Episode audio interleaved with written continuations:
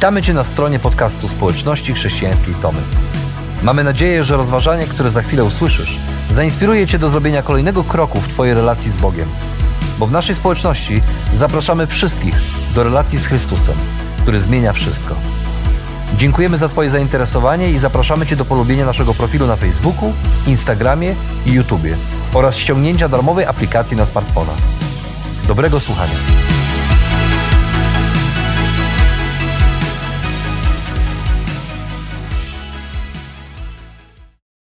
Tamtego dnia, kiedy Mosze wrócił do domu po pracy, nic nie zapowiadało tragedii. Od progu jak zwykle powitała go żona i trójka jego dzieci, jak zwykle zjedli obiad, jak zwykle porozmawiali o tym, co w pracy. Jak zwykle Mosze miał zabrać się za kilka rzeczy, które jak zwykle były do zrobienia wokół domu, ale tym razem musiał odpuścić. Na ręku pojawił się mały, niewielki pęcherz w miejscu, w którym zawsze trzymał narzędzie do pracy. Pokazał je żonie. Nie boli, powiedział, ale ciężko tak jakoś utrzymać łopatę czy młotek. Za parę dni samo przejdzie, uśmiechnął się i wyszedł na dwór. Zamknął oczy i przez chwilę delektował się ciepłym, pustynnym, popołudniowym wiatrem, który raz po razie delikatnie osiadał na jego twarzy. Minęło kilka dni, a pęcherz zamiast zniknąć stawał się coraz większy i większy. Co dziwne, ręka wcale go nie bolała, tylko puchła i, i coraz mniej przypominała rękę. Żona może nic nie mówiła, tylko z niepokojem patrzyła na coraz mniej przypominającą rękę dłoń swojego męża. W końcu odważyła się wypowiedzieć jedno krótkie zdanie. Musisz pójść do kogoś, kto się zna na tych rzeczach. Więc poszedł.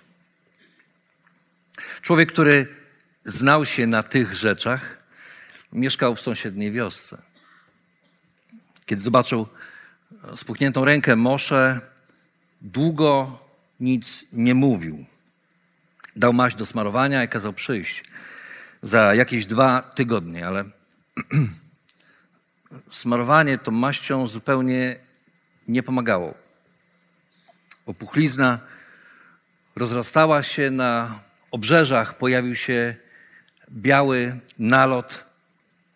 Boleć nie bolało, ale wyglądało okropnie.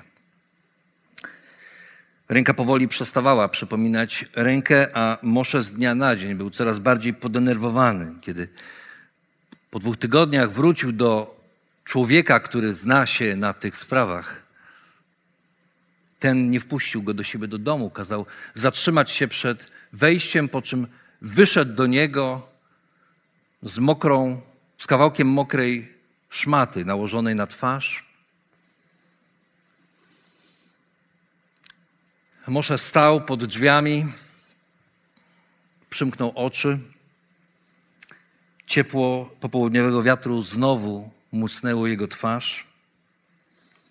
Ale kiedy próbował tą spuchniętą ręką odgarnąć sobie włosy, miał wrażenie, jakby tracił w niej czucie. W tym momencie człowiek, który znał się na tych rzeczach, spojrzał na niego i beznamiętnym, ale zdecydowanym głosem ogłosił wyrok. Trąd powiedział: Jesteś trędowaty. Musisz jak najszybciej opuścić swoją żonę, dzieci, dom, rodzinę, znajomych i wyprowadzić się czym prędzej poza wioskę. Twoja obecność, Mosze, to zagrożenie dla wszystkich. Idź już. Idź i módl się do Boga o cud, bo żaden człowiek nie jest w stanie ci tutaj pomóc. Muszę stał jakby sparaliżowany. Ta diagnoza dla niego to tak naprawdę oznaczała wyrok śmierci, ale śmierci strasznie powolnej, śmierci, która nie przychodziła od razu. Umieranie z powodu trądu jest, umiera, jest, jest gorsze niż umieranie w ogóle. Człowiek powoli traci czucie na całym swoim ciele, a tym samym może niechcący przypalić sobie dłoń przy ognisku i nawet tego nie poczuć, albo złamać nogę i nawet nie wiedzieć, że ma złamaną nogę. Poranione, pozbawione czucia części ciała ropieją, gniją, żeby w którymś momencie niepostrzeżenie odpaść od tak, jakby były czymś obcym, jakby nigdy nie należały do tego ciała. I takie umieranie trwa nie dniami, nie tygodniami, nawet nie miesiącami, ale często latami. A temu umieraniu towarzyszy całkowita, całkowity wstyd i izolacja.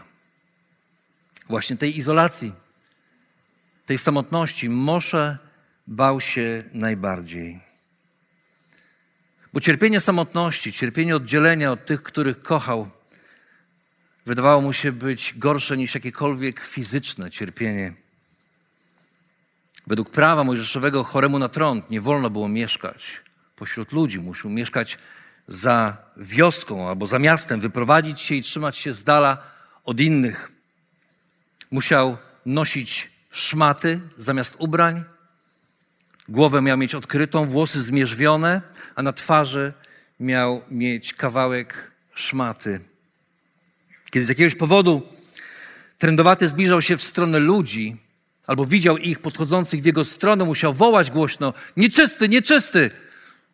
Tak, żeby nie zarazić nikogo, żeby nikogo nie narazić na nawet odrobinę kontaktu z nimi, z tym, czym był, czyli tak naprawdę śmiertelnym zagrożeniem. Może już nigdy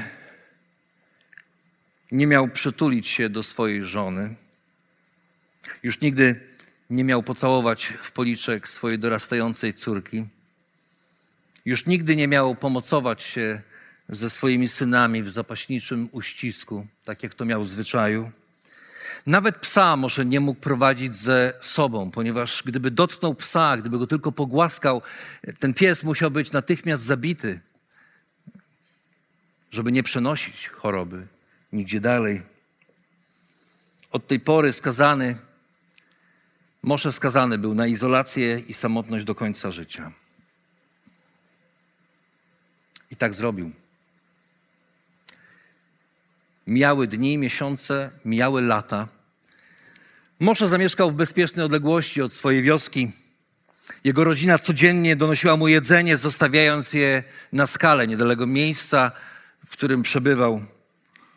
W ten sposób właśnie Mosze mógł przyglądać się swoim dzieciom, jak dorastały na jego oczach. Nie mógł ich dotknąć, nie mógł się nawet do nich zbliżyć, ale mógł choćby na chwilę, przez jedną krótką chwilę popatrzeć na nich. Nie mógł, nie mógł trzymać ich dłoni w swojej dłoni, która już dawno przestała przypominać dłoń, nie mógł poklepać ich, ani samemu być poklepanym z uznaniem po ramieniu. Widział, jak jego żona za każdym razem, kiedy przynosiła mu jedzenie, ukradkiem ocierała łzy. Nawet nie patrzyła specjalnie w jego stronę, bo i tak nawet z bliska nie rozpoznałaby jego zdeformowanej przez trąd twarzy. Dystans, izolacja, oddzielenie. To były słowa, które wyznaczały rytm jego codzienności. I po jakimś czasie Mosze sam zaczął modlić się, żeby, żeby rodzina już więcej nie przychodziła. Że już nie chce. Że to patrzenie na nich z odległości i niemożność przytulenia się lub choćby dotknięcia jednego z nich była bardziej bolesna, niż gdyby wcale ich nie widział. Dlatego pewnego dnia, nie mówiąc nic nikomu. Bez słowa ruszył na północ, w stronę Galilei, tam w okolice jeziora galilejskiego. Tamtejszy wiatr, mówili, jest nieco chłodniejszy niż gorący oddech pustyni i może przynieść ulgę w te ciepłe, gorące, upalne dni, chociaż Mosza już dawno przestał czuć jego powiew na swojej twarzy. Ale przynajmniej nie będą mnie widzieć, kiedy, kiedy umrę. Tak sobie tłumaczył swoją decyzję, myśląc o najbliższych, których dotykać mógł już tylko e, w swoich wspomnieniach. A pewnego dnia usłyszał rozmowę dwojga ludzi. To byli ludzie, którzy w nowym miejscu, do którego dotarł, przynosili mu jedzenie w pobliżu wysypiska śmieci, na którym mieszkał. Mówili o nowym nauczycielu, o Jezusie, który przyszedł z Nazaretu i zamieszkał w okolicy Kafarnaum, na północy jeziora galilejskiego. Dziwny ten nauczyciel, mówili, nie tylko głosi, jak nikt inny wcześniej, ale jak żaden inny rabi, sam wybiera swoich uczniów. Nie czeka, aż do niego przyjdą, ale on sam wybiera swoich uczniów spośród tłumu ludzi, który zaczyna za nim iść. I co więcej, uzdrawia chorych i wypędza demony z tych, którzy są opętani przez demony. Sam widziałem, powiedział jeden z nich, jak ten Jezus dotknął tamtego dziwnego, pokurczonego człowieka i, i coś nim szarpnęło, coś, coś nim rzuciło, upadł i nagle uspokoił się, a potem nagle otworzył oczy, wstał i poszedł do domu, jakby nigdy nic. Całkowicie zdrowy. Te słowa zrobiły wrażenie na Mosza. O, pomyślał, żeby tak pewnego dnia, żeby tak pewnego dnia obudzić się i poczuć powiew ciepłego wiatru na swojej twarzy, tak jak to było kiedyś. Żeby poczuć cokolwiek. Żeby pewnego dnia obudzić się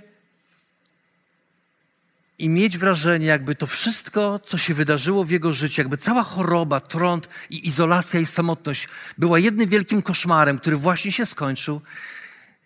I on może zacząć zupełnie nowe, codzienne życie, że znowu może pocałować swoją żonę, że znowu będzie mógł przytulić swoje dzieci, że znowu będzie mógł pogłaskać swojego psa, że znowu będzie mógł uściskać się ze swoimi przyjaciółmi, ze znajomymi, których tak wielu miał kiedyś, a teraz nie ma nikogo. Może niczego bardziej nie pragnął. Jak tylko jeszcze raz poczuć się blisko z innymi ludźmi.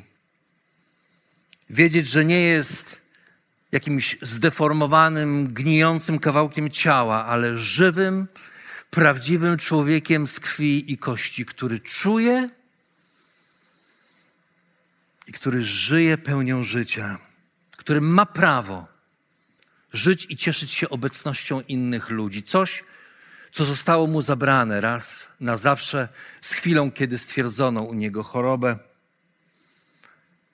No jeżeli ten Jezus potrafi uwalniać ludzi od demonów, to może potrafi uwolnić mnie od trądu na całym moim ciele. Pomyślał Mosze i ruszył w stronę miasta, o którym mówiono, że tam właśnie teraz przebywa Jezus. Nieczysty, nieczysty! Krzyczał słabnącym już głosem, kiedy na horyzoncie zarysowywały się kontury jakichś ludzi. Choć ledwo powłóczył stopami, na których brakowało już palców myśl o spotkaniu z uzdrowicielem dodawała mu resztek sił. I tak szedł, a właściwie momentami prawie e, szedł na czworakach. I kiedy z dala zobaczył miasto, to miasto, w którym jak niosła wieść miał przebywać Jezus, zatrzymał się i zadał sobie proste pytanie, o którym wcześniej nie myślał. Jak ja tam wejdę? Przecież Nie wolno mi nawet zbliżać się do ludzi, a co dopiero wchodzić do miasta pełnego ludzi. Za przekroczenie przepisów groziła kara chłosty, która w jego przypadku równie dobrze mogła oznaczać natychmiastową śmierć. Zaryzykować, pomyślał Moshe? Tylko właściwie, co to za ryzyko? Co to za życie bez życia, którym niby żyję teraz, ale tak naprawdę od dawna jestem martwy dla ludzi, dla wszystkich wokół mnie. Samotne, przeklęte, dzikie życie. Trudno, pomyślał. Niech mnie zabiją. Wziął głęboki oddech i ruszył w stronę miasta. I kiedy przeszedł przez bramę, budząc powszechny strach i przerażenie, do którego zdążył się już przyzwyczaić, natychmiast zobaczył Jego. Jezus stał otoczony grupką młodych mężczyzn, z którymi rozmawiał. Właśnie kilka dni temu powołał swoich pierwszych uczniów, prostych rybaków z Galilei. Powiedział im, że od tej pory już nie będą łowić ryb. Powiedział, teraz będziecie łowić ludzi. Więc oni stali razem z Jezusem i, i rozmawiali między sobą i, i, próbowali dowiedzieć się od Jezusa, co to, co to tak naprawdę znaczy. Co to znaczy, że będą łowić ludzi? Czy jest jakaś strategia, czy jest jakiś pomysł na to, czy będą robić coś konkretnego, czy mają nosić sieci ze sobą, jak jakiś znak? Co to znaczy, że będą łowić ludzi? Jakie mają mieć zadania, jakie obowiązki? czego ich mistrz, ich nauczyciel, ich rabi będzie teraz od nich oczekiwał. I tak stali, nagle wszyscy usłyszeli okrzyki przerażenia. Tak samo usłyszał to Jezus. Okrzyki przerażenia ludzi, którzy jako pierwsi zobaczyli trędowatego Mosza, który szedł środkiem drogi i patrzył tylko w jedno miejsce. Jezus zobaczył Mosze pokrytego trądem od stóp do głów. Nieczysty, nieczysty! krzyczał Mosze, sam odbierając sobie tak naprawdę szansę na kontakt z drugim człowiekiem. Uczniowie Jezusa, ci, którzy mieli stać się rybakami ludzi, cofnęli się, niektórzy odwrócili głowy z obrzydzeniem, jeszcze inni zaczęli wołać: Odejdź, człowieku, odejdź. A mąż znał te reakcje za dobrze. Był doskonale przyzwyczajony do tych krzyków i do tych słów pogardy, także nie robiły on na nim specjalnie wielkiego wrażenia. Szedł dalej, patrząc tylko na Jezusa. I ku jego zdziwieniu, Jezus nie cofnął się ani o milimetr. Tak jak stał wcześniej, tak stał również teraz, patrząc na niego, patrząc mu prosto w oczy, które trudno było dojrzeć poprzez deformację twarzy, która sprawiła, że te oczy były głęboko gdzieś utkwione, a Mosze szedł powoli, powoli. Jezus się nie ruszał, nie cofał, stał i patrzył. On się nie cofa. Pomyślał ze zdumieniem Mosze. Nieczysty Jezu. Jestem nieczysty. Nie widzisz tego? Zawołał głośno. Ale Jezus ani drgnął. Tylko jeszcze z jeszcze większym współczuciem spojrzał na powoli kroczącego, a właściwie prawie pełzającego w jego stronę człowieka, który dźwigał na swoich barkach lata samotności, opuszczenia, izolacji. I wtedy Mosze ostatkiem sił upadł przed nim na twarz. Pobożni Żydzi nie padali na twarz przed żadnym człowiekiem, ale Mosze tamtego dnia upadł na twarz, tak jak pobożni Żydzi padali na twarz tylko przed jedną, jedną osobą, wszechmogącym świętym Bogiem Jahwe. Może upadł na twarz.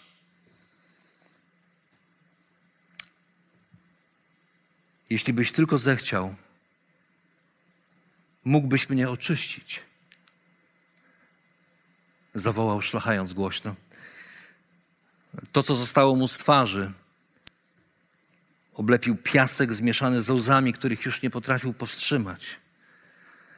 To już nie była prośba, to było błaganie zdesperowanego człowieka, który bardziej przypominał bezkształtny worek niż ludzkie ciało.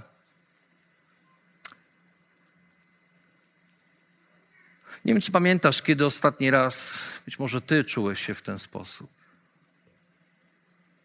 Niczym trędwaty, umęczony poczuciem samotności, izolacji, odłączenia od innych ludzi, zmęczony swoim nałogiem, który oddzielił cię od najbliższych, być może umęczony chorobą, która odebrała ci radość życia, może umęczony zranieniem z dzieciństwa, które nie pozwalało ci wejść w normalne relacje z innymi ludźmi. Może pamiętasz ten moment, kiedy patrząc w lustro z obrzydzeniem, patrzyłeś na samego siebie albo na samą siebie, myśląc o tym, że wszyscy inni są od ciebie ładniejsi, lepsi, bardziej porządni, bardziej poukładani. Może pamiętasz ten moment, kiedy świadomy pogardliwych spojrzeń ludzi chodziłeś w biurze od jednego pokoju do drugiego, słysząc za plecami te pogardliwe rozmowy ludzi, którzy komentowali Twój rozwód. Mówili: Widzisz?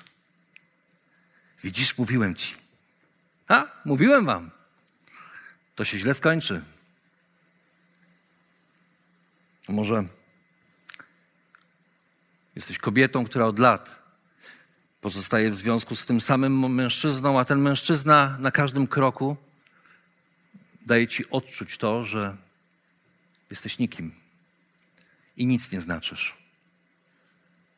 Może żyjesz pod jednym dachem z kimś, kto od dawna sprawia, że jesteś bardziej samotna, niż gdyby w tym mieszkaniu nikogo nie było. A może jesteś umęczony niewłaściwą relacją w swoim życiu, wszedłeś w relację, czy weszłaś w relację, z której nie możesz się wyplątać.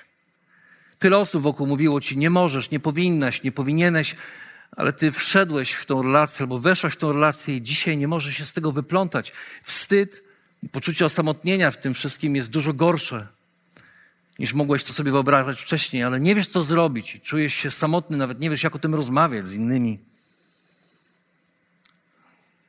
Pamiętasz siebie? A może właśnie Ty dzisiaj jesteś w tym miejscu?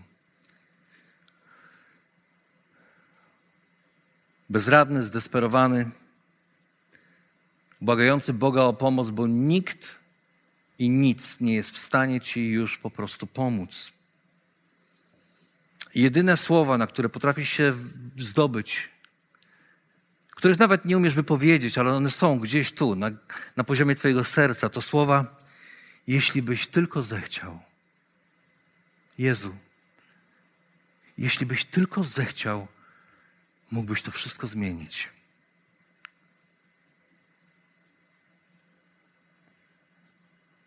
A wtedy czytamy ewangelista Łukasz, doktor Łukasz, który opisał te wydarzenia. Czytamy, wtedy Jezus wyciągnął rękę, dotknął go i powiedział: Chcę, bądź oczyszczony. I trąd natychmiast ustąpił. Ile to lat? Ile to lat minęło? Od czasu, kiedy Mosze poczuł dotyk drugiego człowieka. Ile to lat, kiedy ktoś ostatnio poklepał go przyjacielsko po ramieniu albo uścisnął jego dłoń na przywitanie, nie mówiąc już o czułości. Przecież Jezus wcale nie musiał go dotykać. Jeżeli Jezus był tym, kim mówił, że jest, jeżeli Jezus był Bogiem, to wiemy też z innych historii, że Jezus wcale nie musiał go dotykać. Jezus mógł wypowiedzieć słowo i to by się stało. Jezus mógł pomyśleć i to by się stało. Jezus mógł westchnąć i to by się stało. Ale nie. Jezus, pomimo tego, co mówiło żydowskie prawo, że każdy, kto dotyka nieczystego, staje się nieczysty, Jezus dotyka tego człowieka, dotyka Mosza i mówi: Chcę, chcę, chcę, bądź oczyszczony. Więc po co to zrobił?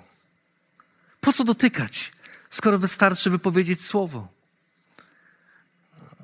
A Jezus dotknął go, myślę, po to, żeby jemu i nam wszystkim dzisiaj, dwa tysiące lat później, tym z nas, którzy czujemy się niedotykalni, samotni, upodleni, grzeszni, źli, żeby powiedzieć nam, tym z nas, którzy jesteśmy samotni w swoim cierpieniu i w swoich zmaganiach, jestem z Tobą, jestem dla Ciebie, jestem przy Tobie. Chcę, żebyś znowu poczuł się jak człowiek. Żadna choroba nie odstrasza mnie od Ciebie. Chcę przełamać tę izolację, w którą wszedłeś albo weszłaś, w której żyjesz od lat.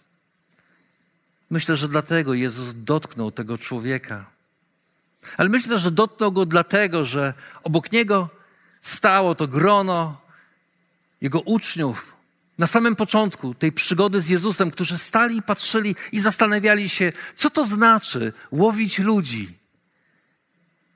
I tak jakby Jezus jemu, im i nam też, dwa tysiące lat później, tym z nas, którzy nazywają się Jego uczniami, chciał powiedzieć, no właśnie to znaczy. To znaczy dotykać tych, których nikt inny dotknąć nie chce. To znaczy zbliżyć się do człowieka, do którego nikt inny zbliżyć się nie chce.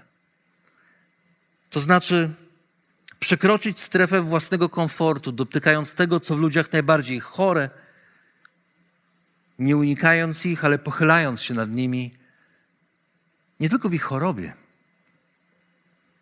ale przede wszystkim w ich grzechu. Grzechu powiesz. Myślałem, że ta historia jest o chorobie, o Jezusie, który uzdrawia z choroby. Oczywiście jest to historia o chorobie. Ale w czasach Jezusa trąd uważany był za coś więcej niż tylko chorobę. Trąd, który pokrywał człowieka od stóp do głów, który był nieuleczalny i który dystansował człowieka raz na zawsze od innych, był obrazem grzechu, która oddzielała człowieka od Boga na zawsze. I dlatego człowiek, który jakimś cudem został uleczony z trądu, potrzebował oczyszczenia potrzebował specjalnego rytuału, który musiał wykonać, żeby pokazać światu, że jest oczyszczony. I ten rytuał, kiedy o nim czytamy, jest łudząco podobny do rytuału oczyszczania z grzechów. Następnie kapłan weźmie jednego baranka i złoży go w ofierze za przewinienie wraz z logiem oliwy. Baranka złoży zaś w miejscu, gdzie składa się ofiarę za grzech oraz ofiarę całopalną, w miejscu świętym, gdyż podobnie jak ofiara za grzech, ofiara za przewinienie należy do kapłana. I dalej, następnie kapłan przygotuje ofiarę za grzech i dokona przebłagania za tego, który się oczyszcza ze swojej nieczystości, po czym złoży ofiarę całopalną. Tak czytamy w Księdze Kapłańskiej, jednej z ksiąg Tory, która stanowiła podstawę życia Żydów w tamtym czasie. I nic dziwnego, że kiedy Jezus dokonał oczyszczenia trędowatego, nakazał mu nic nie mówić, ale przede wszystkim pójść i pokazać się kapłanom. I tak jak nakazał Mojżesz złożyć ofiarę za swoje oczyszczenie, jak powiedział Jezus, na świadectwo dla nich. Bo w czasach, w których trąd był chorobą nieuleczalną, Świadectwo uzdrowienia z trądu było zapowiedzią czegoś więcej niż tylko uzdrowienia z nieuleczalnej choroby. To była zapowiedź przyjścia kogoś, kto potrafi nie tylko uleczyć chorobę, ale uleczyć człowieka z najgłębszej choroby, jaką nosi każde ludzkie serce, z choroby grzechu. Choroby, która tak jak trąd oddziela człowieka od człowieka, tak właśnie grzech oddziela człowieka od jego wiecznego Stwórcy. Nie ma bardziej nieuleczalnej choroby. Choroby, która, choroby, czyli grzechu, grzechu, który e, jest tą nieuleczalną naszą skłonnością do tego, aby robić to, co dla nas wygodne i przyjemne, nawet wtedy, kiedy jest to nie do końca właściwe. I nie ma bardziej, izola- nie ma bardziej bolesnej izolacji od grzechu, albo nie ma bardziej bolesnej izolacji niż to poczucie osamotnienia w grzechu i poczucie tego, że jesteśmy oddzieleni od Boga z powodu grzechu, który oddziela nas od Niego raz na zawsze. I być może Ty też dzisiaj czujesz się jak Mosza. Zamknięty w swoim grzechu, może zamknięty w swojej obojętności na Boga, być może wspominający dobre czasy z Bogiem sprzed lat, a dzisiaj z poczuciem oddzielenia od Niego i takiej, takiej, takiego, takiej izolacji, odrętwienia. Być może już dawno straciłeś nadzieję na ten jeden dotyk, który uwolniłby cię od tego, z czym się zmagasz i co izoluje ciebie od innym, od innych. A może a może jest tak, że patrzysz na swoje życie i myślisz sobie, nie, nie, każdy, ale nie ja.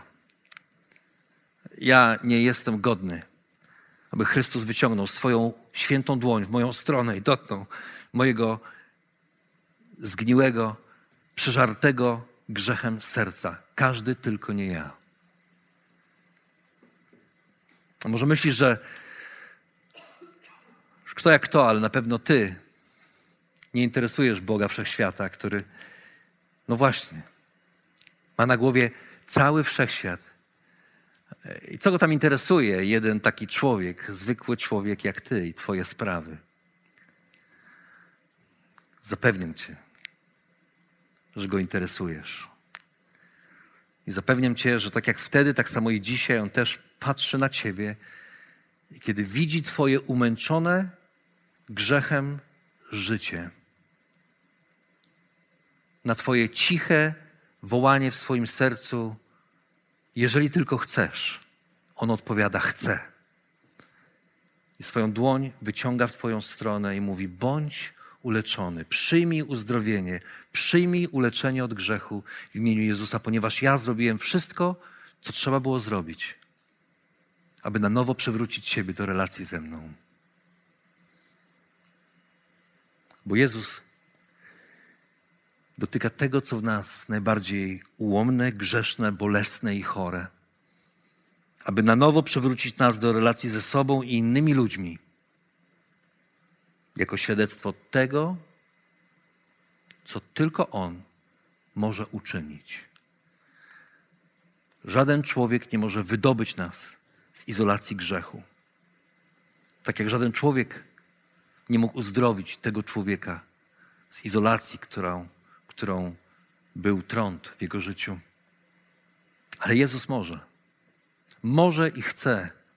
I na ciche wołanie Twojego serca, albo na głośne, błagalne wołanie, krzyk Twojego życia, On przychodzi i mówi: Chcę. Tam, gdzie jesteś chory, chcę. Tam, gdzie jesteś ułomny, chcę. Tam, gdzie jesteś zbolały, chcę. Tam, gdzie jesteś grzeszny, On mówi: Chcę.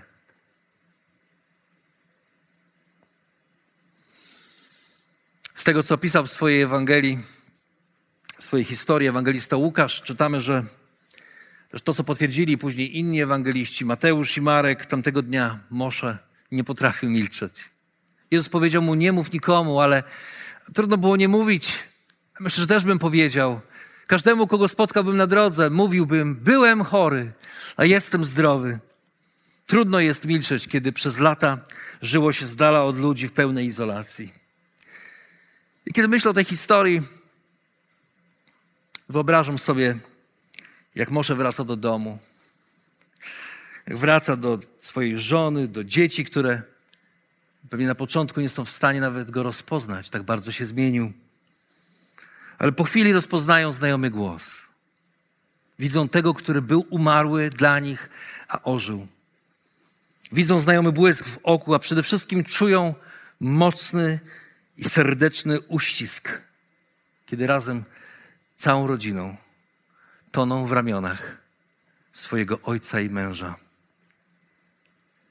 Wróciłeś, szepcze cicho żona, ukradkiem ocierając łzy, bo przecież ona nie płacze ze smutku, ona się cieszy, tylko tak jakoś łzy same płyną.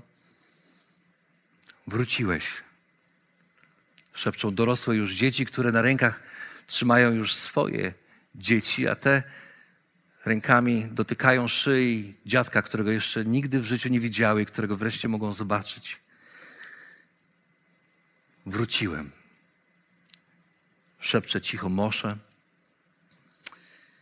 a ciepły, pustynny wiatr znów łagodnie głaszcze go po jego zdrowej twarzy.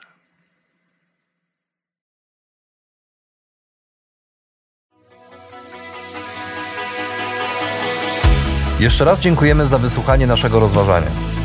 Jeżeli mieszkasz w okolicach Tomaszowa Mazowieckiego lub Łodzi, zapraszamy Cię do odwiedzenia nas na niedzielnym nabożeństwie. Więcej informacji znajdziesz na stronie schatomy.pl.